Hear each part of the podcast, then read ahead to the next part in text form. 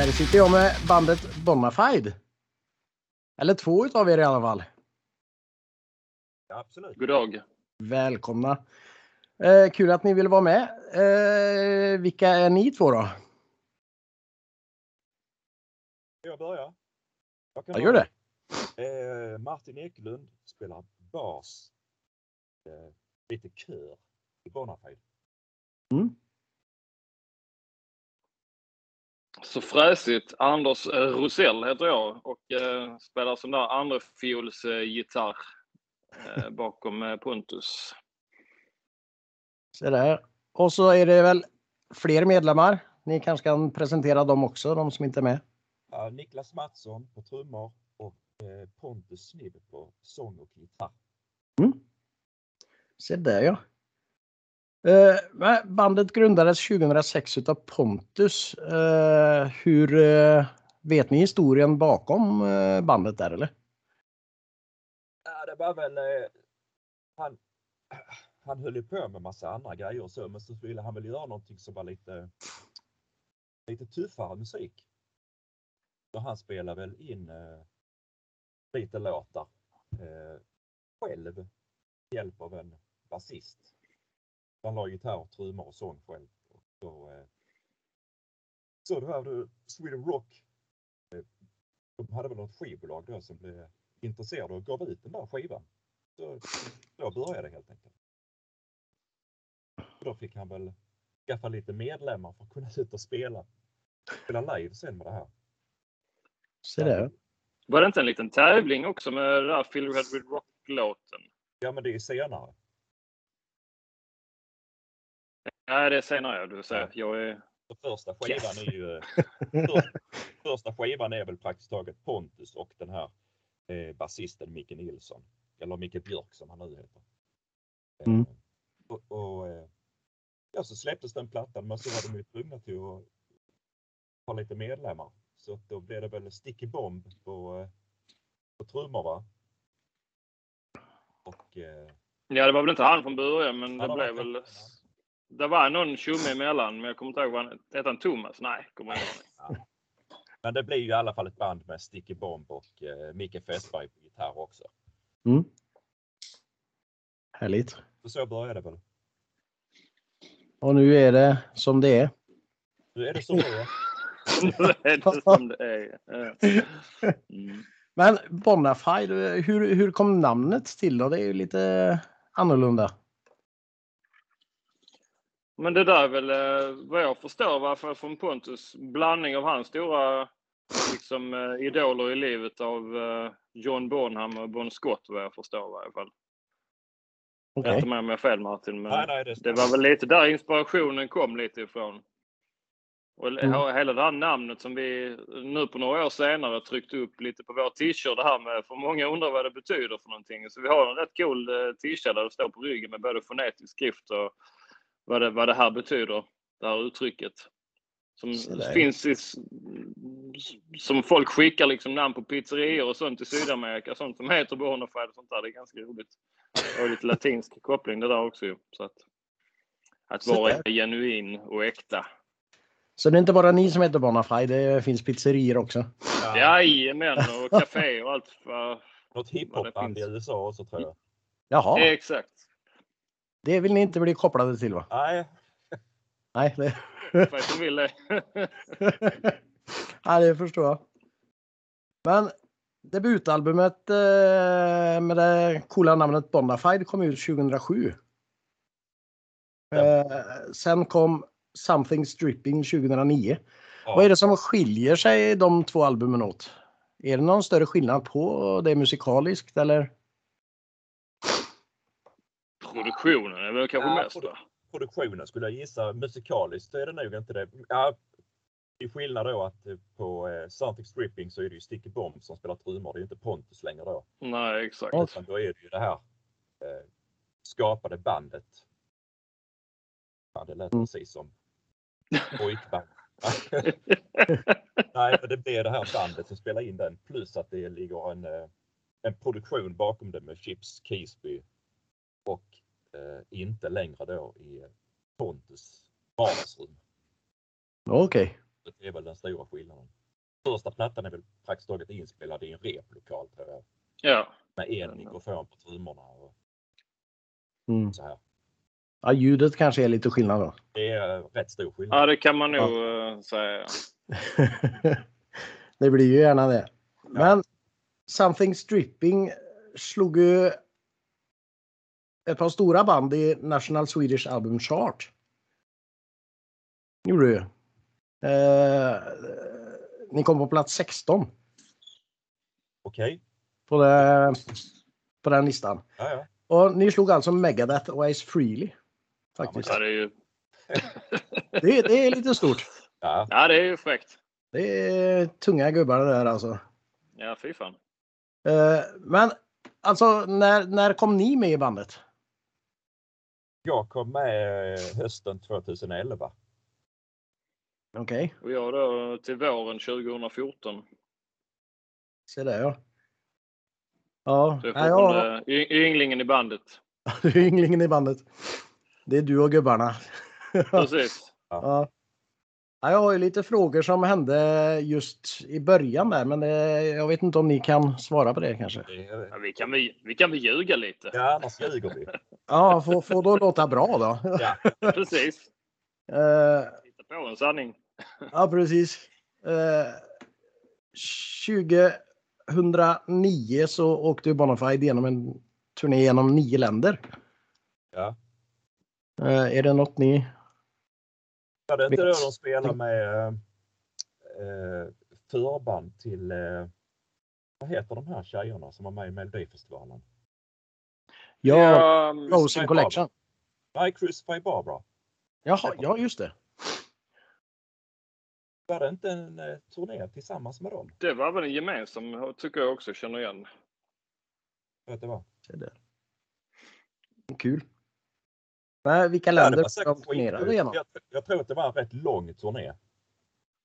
Ja. Ja, men vad sa du? Sju veckor eller vad sa du där Mårten? Du hade ju bättre Nej. koll. Ja, ja, jag har stenkoll. Nej, det var nio länder.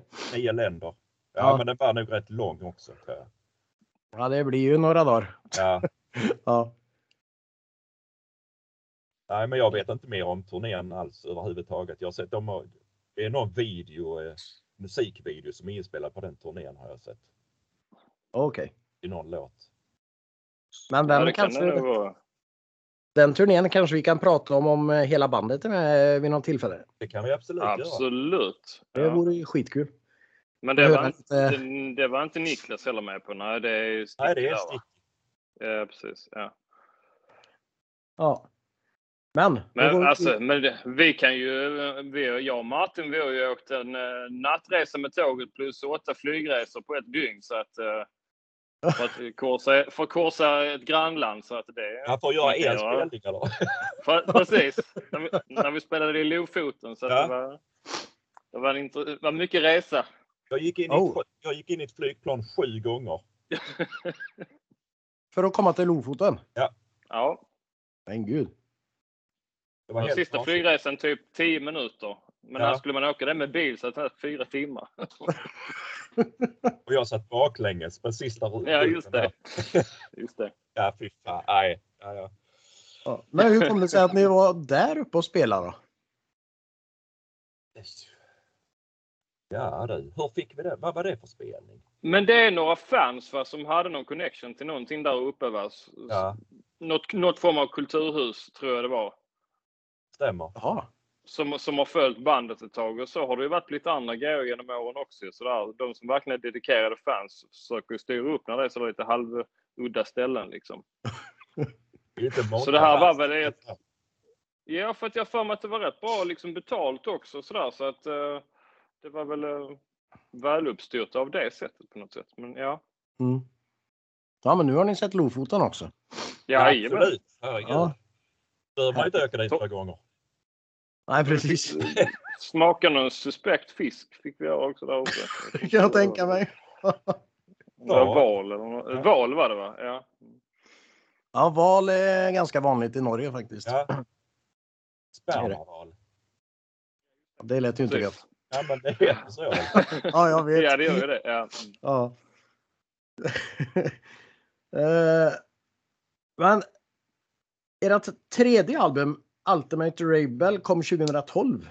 Ja. Eh, med massa spelningar eh, till följd av det albumet. Ja. Eh, hur togs plattan emot utav kritiker och sånt där? Jag tror att det var rätt bra och att vi hamnade etta på den här försäljningslistan, hårdrocksplattor tror jag. Oj! Ja. Det är den första skivan jag är med på.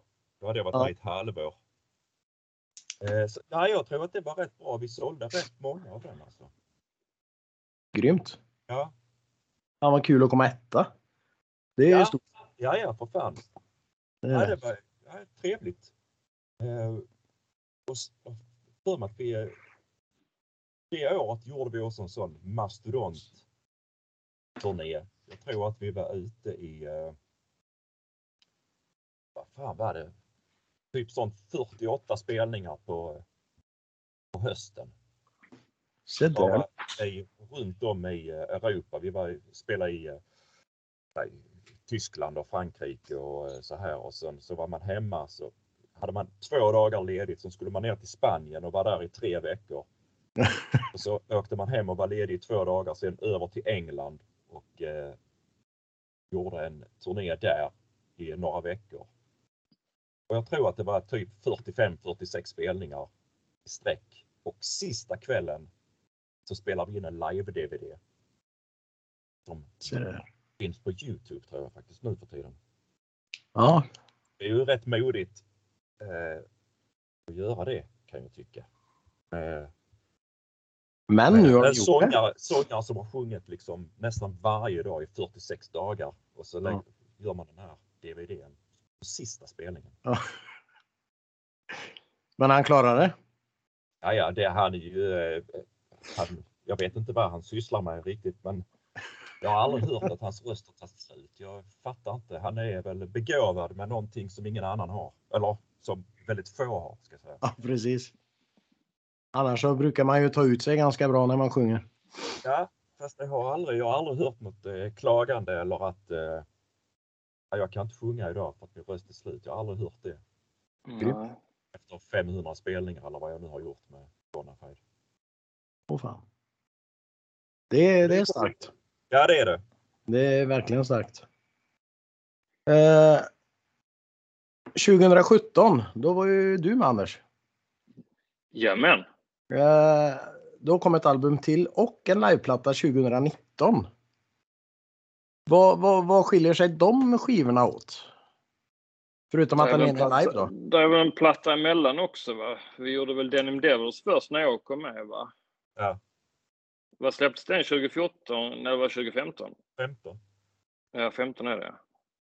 Så då blir det alltså Flames-plattan sen då? Den du refer refererar till Mårten?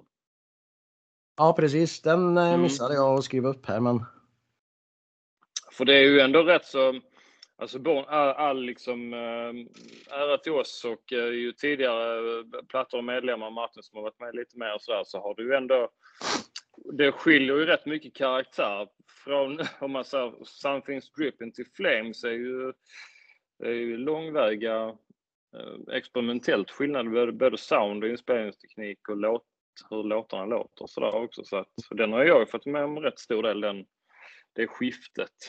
Eller, eller utvecklingen eller vad man ska säga. mm. vad härligt. Ehm, och sen samtidigt som eftersom du säger liveplattan också då, men som Flames var ju där till, det kan ju Martin berätta mer om som verkligen satt bakom uh, mixerbordet så va. Ehm, men verkligen tog ut svängarna får man väl säga. Så långt ut i spetsarna av allas influenser får man väl nog påstå. Mm. Eh, om man nu ska bortse från det här klassiska vanliga raka rockköret liksom. Så Precis. var det ju mer experimentellt vad det gäller låtar. eh, Visst, det fanns vissa klassiker som, som låter liksom mer traditionellt Bonafide får man väl säga, men det är många som också sticker utanför konceptet liksom. Mm. Men samt- samtidigt som liveplattan kom så ville vi ju också plocka tillbaka en bit av det gamla så där har vi ju valt låtval till liveplattan som verkligen är liksom det mer det traditionella kanske så för att koppla tillbaka till ursprunget någonstans.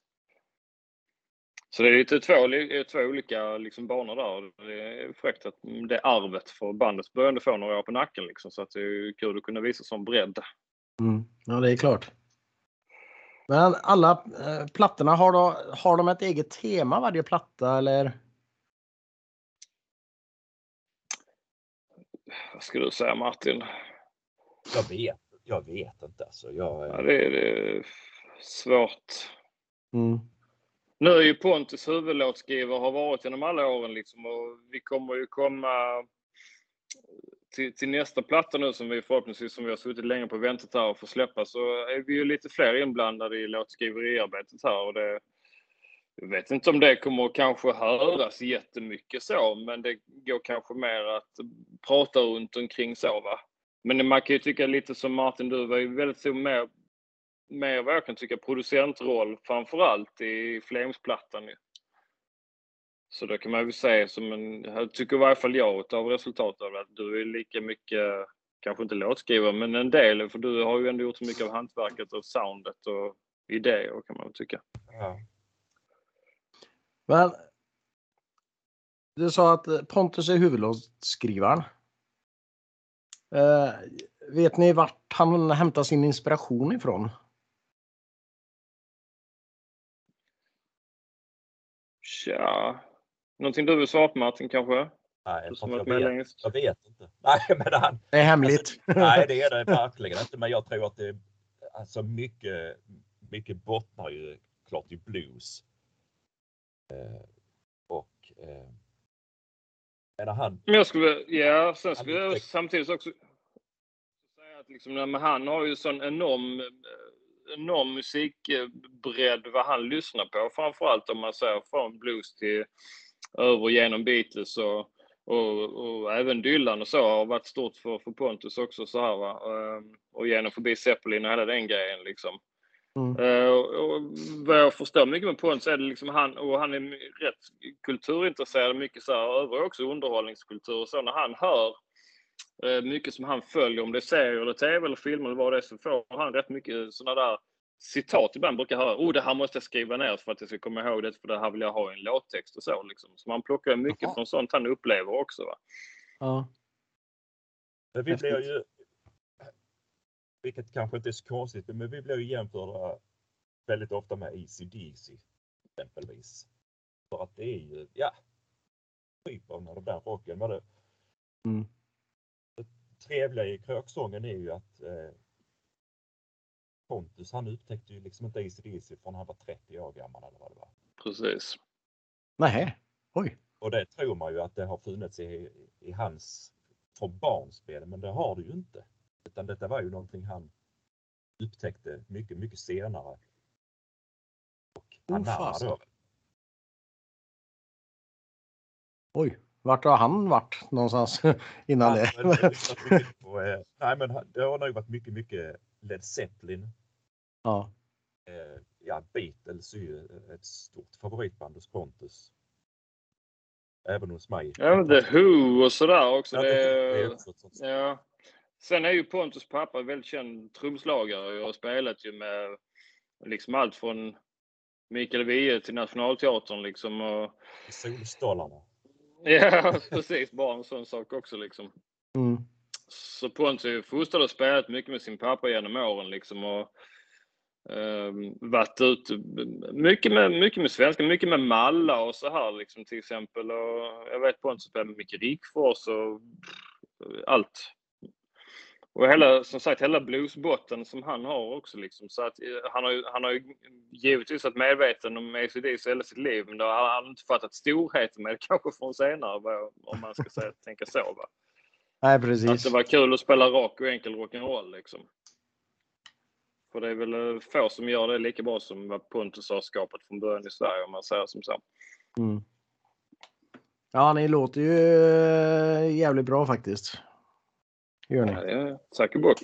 Eh, men vad, vad, vad har ni gjort innan ni kom med i Bonafide då? Nu är det Martin som kan dra den längsta historien tror jag. Nej, men personligen så har jag har ju spelat i hela mitt liv och jag, jag harvar runder i, eh, i Europa och mycket i Baltikum med ett annat band innan jag gick med i Bonafide. Mm. Hade lite flyt i Baltikum. Ja, men eh, man tappar ju, eh, hålla på för länge med samma saker. Man, får, man känner sig mer motarbetad än medarbetad. Så man pallar ju inte till sist. Alltså. Nej. Även, om man har, även om man har flyt i vissa länder så får man ju jobba hårt som satan. Och har du ingen som hjälper dig med det så pallar man inte till sist. Mm. Nej, det finns ju en gräns hur mycket man orkar. Ja, och då Det kom ju, det kom väldigt lägligt med, med Bonafide precis då. Jag tänkte Gött. att jag, jag ansöker om tjänsten. Ja, den fick du. Ja, Ja, härligt. Och era vägar korsade väl lite grann när du var ute med ARK också va Martin?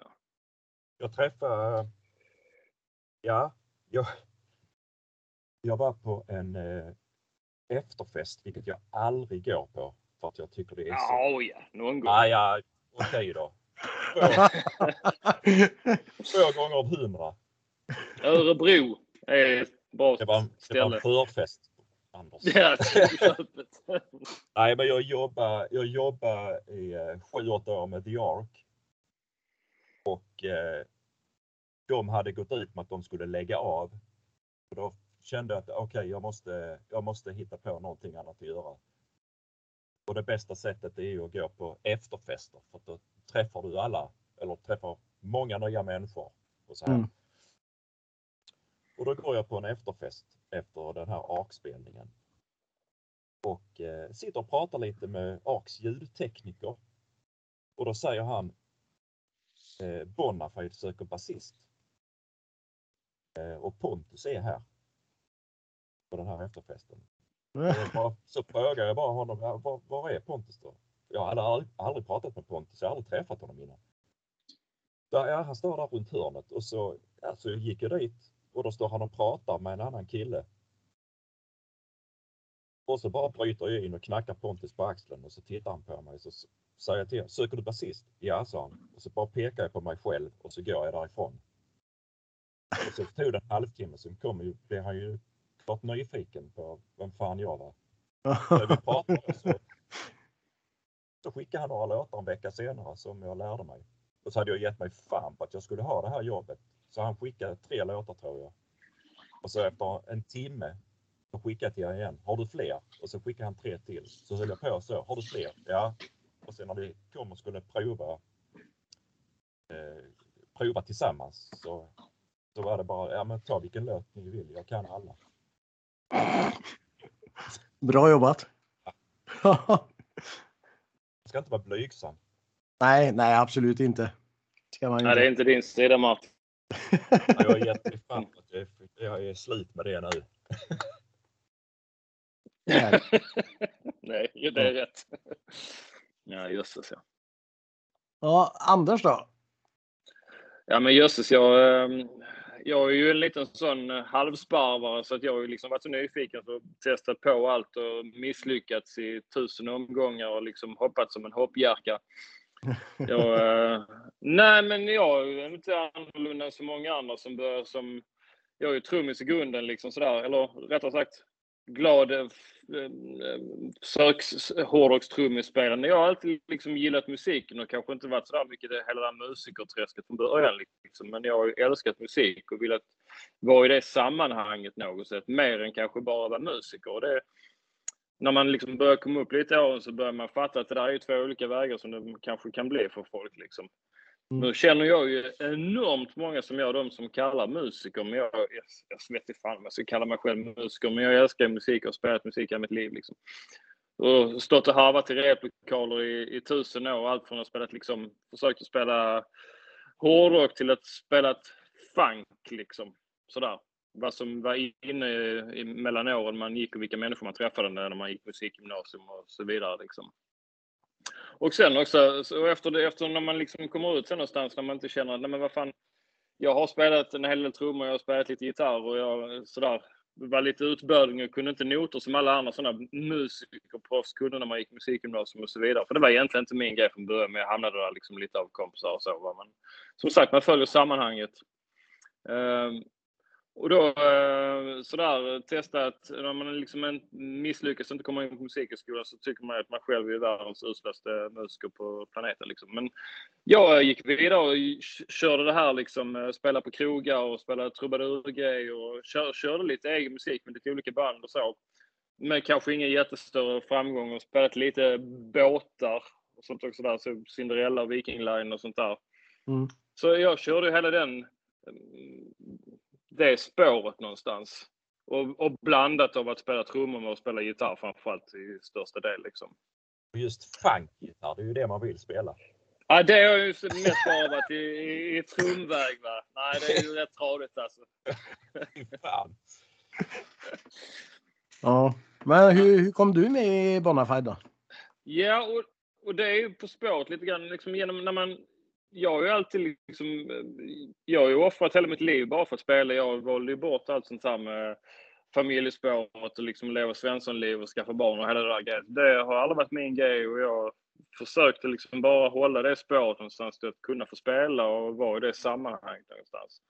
Mm. Så att jag menar, jag var ju 34 år när jag liksom kom med här och det kan man ju känna att då är man inte 20 längre liksom sådär om man nu ska följa det spåret någonstans om man ska tro att man blir rockstjärna när man är ung, liksom, eller vad man ska säga. Men eh, som sagt, och innan det så har man ju ändå träffat lite folk på, genom åren, så man har ju ändå skaffat lite kontaktnät. Liksom. Och konstigt nog, jag, Mal, eh, jag och Pontus som är båda från Malmö, liksom, våra vägar har inte korsats, men många vi spelat med är ju inom samma krets. Mm. Så att eh, jag, när Bonfire var förband till när Bonfire var förband till Deep Purple eh, utanför Ystad. Eh, och då var det ju så, jag, jag har ju sådär, jag är liksom ett barn av 80-talet och då var Europe förband och sådär, så jag har ju ändå jag har ju gått lite bakhållväg för jag började så i Metallica-träsket och Megadeth-träsket och lite även 80-tals Bon Jovi och Europe och Brian Adams och sånt där. Så, så har jag ju fått gå andra hållet genom Beatles och Zeppelin och Purple och hela den grejen i efterhand. Liksom. Ja, Likaväl som det gäller som jazz och blues och sånt har kommit i andra hand, sånt som jag kan uppskatta idag. Liksom. Men eh, så att jag hade ju första, liksom, det var min första upplevelse då och sen så tio år senare så spelade vi med Purple igen så det var liksom en sån cirkel som blev lite sluten för min del. Men det är, det är en helt annan story liksom. Men men eh, i det, i det liksom, när jag var där någonstans 31, 32 någonstans, då liksom ska jag fortsätta satsa på det här och liksom göra någonting mer vidare. Och då, av någon konstig liten anledning så dök den här lilla annonsen upp. Och då spelade jag. Jag spelade egen musik och vi försökte ta oss framåt. Jag hade varit med ett annat band och spelat i Baltikum på en lite dumbandsturné och lite sådär. Så att det var liksom inte jättemycket jag hade gjort så. Och spelat som sagt lite båtar, Viking Lines eh, festcoverband liksom och så. Mm. Så dök den här upp, den här eh, Micke Fässbergs avskedsbrev för, där han skulle sluta. Och det läste jag bara av en slump på Facebook. Jag kände liksom att ja, det är vinna eller försvinna. Så att jag skickade in en ansökan till det här liksom, och tänkte att det här är ju flera hundratusen gitarrister som kommer söka det här jobbet. Liksom. Eh, och jag hade väl inga höga förväntningar av att kanske få ett svar där, men jag fick ett svar ganska så snabbt. Och då hade ju grabbarna här varit ute på en turné liksom och skulle komma hem. Och det är ungefär som Martin, Pontus skickade ett gäng låtar, lärde de här. Han skickade liksom lite videos på han lirade vissa av riffen och så liksom. Och jag tror också, jag också, du kom in där, det, det är skitsvårt från början att liksom, eh, för det blev ju ganska snabba puckar snabbt på slutet. Som liksom, eh, efter vi körde en audition och så. Ehm, men jag tror också det som sagt att, vi är ju fyra fruktansvärt olika individer, men när vi väl är vi fyra så är vi ett enormt svetsat sammanhang tillsammans, fast våra olikheter. Jag tror det är det som är vår styrka också lite grann. Mm. För att när vi väl är ute någonstans, då är det alltid full leverans oavsett om vi är bakis eller någonting som har hänt personligen, eller oavsett vad den är, så är vi ju alltid full on. Och det är ju aldrig så vi tycker att det är dåligt i våra mått mätt, tycker ändå folk att de har fått en upplevelse. Och jag tror det är sammanhanget de säger att vi är ju, vi är ju inte bara musiker som står där och levererar någonting. Vi gör det för att det är vår hjärta och kärlek. Liksom. Det är ju, Precis. det är ju ett, Så att jag väldigt, tror det är det som är gjort sammanhanget. det är ju ett väldigt bra liveband. Förlåt Martin. Så, eh, jag, jag, jag har ju varit med i 10-11 år nu, men jag tror jag har repat fem eller sex gånger. Mer har jag inte varit med och repat i det här bandet. Nej. Nej, för vi, vi bor ju, Du kan tänka dig många gånger jag har varit dem. ja, jag bor utanför Helsingborg och Anders bor i Malmö och de andra bor i Stockholm. Vi träffas ju på en Ja. någonstans. Eh, och med tanke på att vi aldrig repar och vi släpper en liveplatta som inte är redigerad någonting i efterhand utan det är that's it. Det är så här det låter. Mm. Det är fan mig bra gjort måste jag få lov att säga. Ja, det är grymt. Riktigt bra. Tufft. Säger hej till hon där bakom dig Anders eller? Ja, det är Malin som är med i videofilm här. Ja. Det tänkte hon inte på. Eller det gjorde hon säkert. Hon ville nog, hon, Ja, hon ville nog bara synas. Ja, precis. Röven till. Nej men det är ett, det är ett väldigt, Bonafide är ett väldigt bra liveband som levererar. Eh, ja, tycker jag. Mm. Härligt. Men har ni något nytt på gång här nu då? Ja. Vi har en eh, inspelad och färdig skiva som bara väntar på att få komma ut. Se där du. Ja, men den, eh, vi har ju hållit på den nu, jag vet inte, i två år eller? Är det något sånt? Förlåt Martin, jag blev nog hack här så har du någonting till mig. Vet, spelar vi, när spelar vi in skivan? 2000, hösten 2019? Liveplattan. Nej, den nya. Nu är det nya. Höst, Ja, det måste nog varit ja. hösten 2019. Se där sen, ja, sen kom ju allt det här med corona och skit. Så Mm. att, eh, och vi har väl känt att det finns ingen mening med att släppa den då, för den kommer ju bara till att eh, falla mellan stolarna. Precis. Om man inte får turnera så what's the point? Vi är ju ett liveband liksom och då det är liksom inte. Visst, vi kan ju sälja plattor på gig, men vi hade inte gjort om vi inte hade spelat ju. Så att, Så där Ja. är, den är inspelad och färdig och det är ju eh, Chips som har varit med och producerat den här gången och inspelad av eh, eh, Henrik Lipp i Göteborg. Får hoppas ni får komma ut och spela snart då så ni får släppa den. Ja, det hoppas jag verkligen. För vi, har- vad har vi gjort? Fyra spelningar på två år. ja, det känns, ja, så är det nog nu ja. När man är van att göra 70-80 om året. Ja. Fyra på två år, det är gräsligt. ja, det är ju fruktansvärt. Ja. Det är det. Men vi får vara lite positiva och tänka att snart så. ja, det kan vi ju hoppas faktiskt. Ja. Mm. Jag vågar inte. Jag vågar inte vara positiv. Nej, Det är jag ju aldrig Nej, annars. just Varför ska jag göra det nu? Nej, nej precis. får försöka i alla fall. Ja, Men vad, vad gör ni när ni inte håller på med musiken då? jag gör inget Specifikt Bonafide menar du? Eller Nej, ni musik överhuvudtaget? Har ni jobb? Nej, Nej. Kul för dig. nej, men jag. Jag har ju jobb då ju. Ja, fast det är inte så mycket. Vad jobbar du? Tre dagar i veckan eller? Ja, det gör jag. Mm. Ja. Jag Nej, men det är också inom- Ja, det är ju kultur. Det är ju inom musiken då. Jag har en, eh, jag har en studio, spelar in band. Men det blir ju som ett jobb. Ja, det är ju ett jobb. Ja. Jag är ju lärare i botten så att jag knäger upp på kulturskolan. ju, Så att Ja, just nu ska jag man undervisa kidsen istället. Ja, precis. Ja, för visserligen. Ja, visst är det så. Absolut. Ja. Eh, tänkte jag skulle ta fem snabba frågor till er. Yes. Så jag börjar med Martin och så tar Anders samma fråga och så börjar vi om på Martin här på andra frågan. Låter det bra? Stabilt. Det låter fint. Eh, vad är den löjligaste prylen någon har lurat på dig att köpa?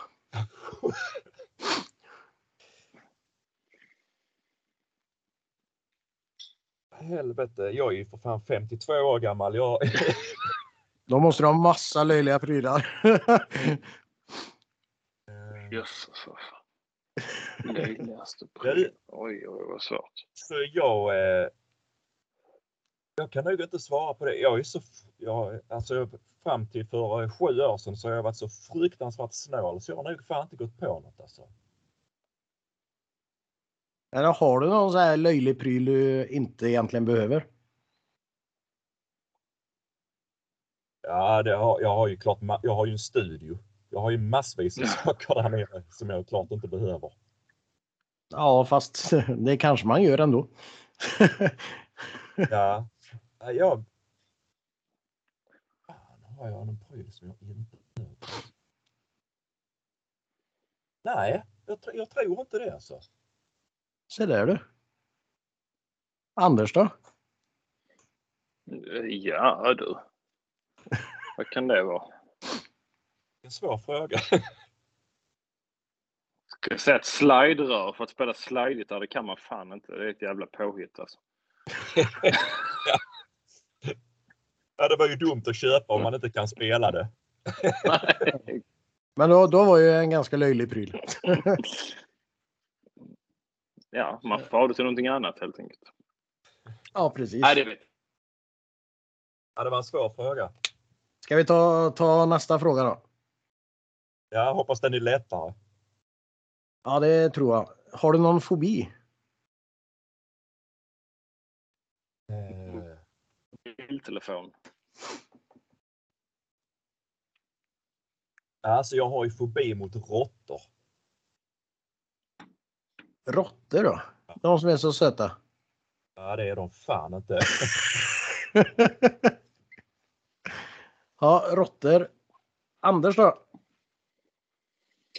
Eh, av levande ting så är det... ja, ormar är inte riktigt min kompis alltså. Och sen av fasta ting så är frigolit ingen kompis. Oh. Så här mot ett fönster så här gött. Fy fan, du frig. Jag ska ta med mig en påse, fan alltså. påse frigolit till nästa turné. Ja, just det. Ja, fy fan alltså. Jag kan inte ens tänka på det. Det bara vänder sig hela kroppen alltså. är det så illa? Ja, det är fruktansvärt alltså. Åh fasen. Eh, Packa upp någonting i en sån jävla som sitter fullt med frigolit. Det är ju fruktansvärt. Ja. Eh, Martin, eh, vilken är den mest värdelösa talangen du har då? Eh, vad kan jag så? Mitt finger, det är fan helt jävla fy värdelöst. Ja, det där var lite creepy. Ja. ja, Det är helt värdelöst. ja det, det är det faktiskt. Anders då? Ja, nu syns kanske inte det på video, men jag har också sån onödig fingerfärdighet så att jag kan göra så här. Ja, det, Det är inte så många som kan. det är det inte många som kan. Men nej, det är helt meningslöst. Ja, det var det faktiskt. Helt Men- meningslöst. Vi kör den här på Ja. Anders. Ja, den där ja. Mm, ja, mm, typ. Den kan jag med. Till och med den. Ja, shoot. Men vi, vi, vi kör nästa till Anders här. Eh, så kan Martin få Det är tänka ingenting som handlar om alkohol. Vad sa du? Det är inget som handlar om alkohol. Alkohol. Eh, vad ångrar du mest i livet? Oj, oj, oj. Ska... Hur lång tid har vi? Ja, inte så jättelång tid egentligen. Ja, du. Ja, vad ångrar jag i livet? Och du, det är så jävla sjukt många grejer så att det är jösses alltså. Ta något. Man ska ju inte, man ska ju inte ångra någonting. Ja, ja. Att jag inte um, lärde mig spela jazz. Yes. Ja. Martin då? Eh, jag ångrar att jag har varit så jävla feg när jag varit ung och hellre valt att eh, stanna hemma än att åka iväg. Jag har blivit tillfrågad att titta på Queen live 1985 eller 86. 86 var det. Som jag sket i. Jag sket i att kolla på Frank Zappa 1988. Jag sålde min Prince-biljett 92 eller 91 eller vad det var. Alltså massa sådana grejer som jag kan bli förbannad på mig själv. nu. Mm. Ja, det förstår jag. Är surt. Ja, det är det. Ja. Eh, sista frågan här då, Anders. Vad hoppas du Ja, att shoot. dina föräldrar aldrig får reda på om dig? Det får de ju om de lyssnar på detta. Då. Ja, precis. Någon ska vara den första. Ja, du. Ja, jag har ganska bra kontakt med mina föräldrar faktiskt. Så att jag tror... Jag vet, det, ja, ja, det var en bra fråga. Det kanske Martin ska vara snabbare på. Jag vet inte. Ja, jag har något sådär på rak arm.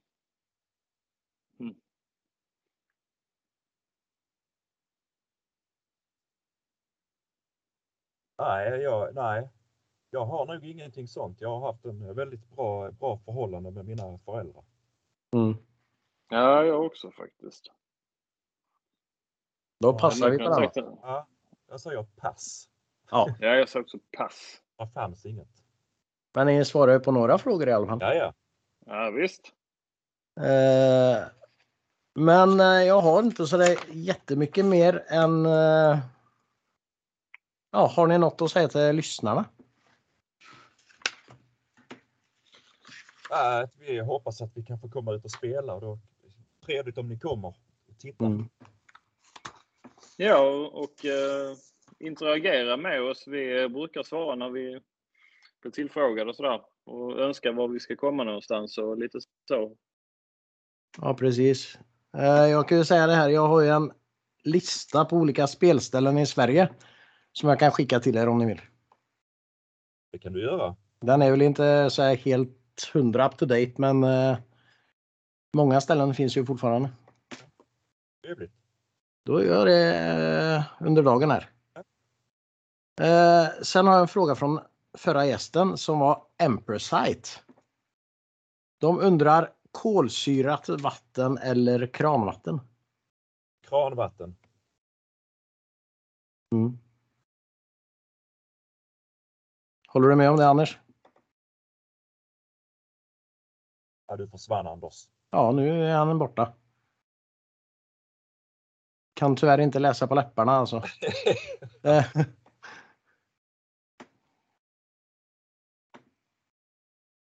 Jag hör ingenting.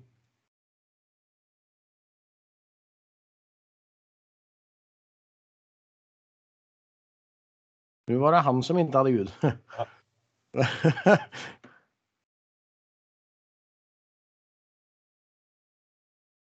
Märkligt.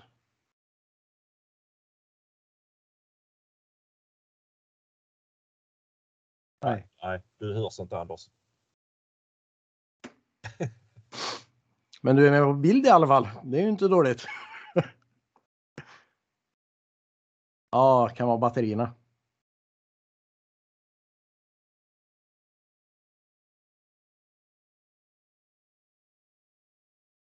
Något modernt skit. Ja, det är ju jättebra de där egentligen, airpods, men eh, så länge de funkar. Ja, precis. Nej. Hör ingenting. Nej, men jag, jag har inte mer än att eh, om ni har en fråga till nästa gäst. Ja, vem är nästa gäst? Det säger jag inte. Okej. Det är ett band. Ja. Och Fråga dem om de... eh, Vad tycker du om det att inte få ut och spela? Nu i dessa tider.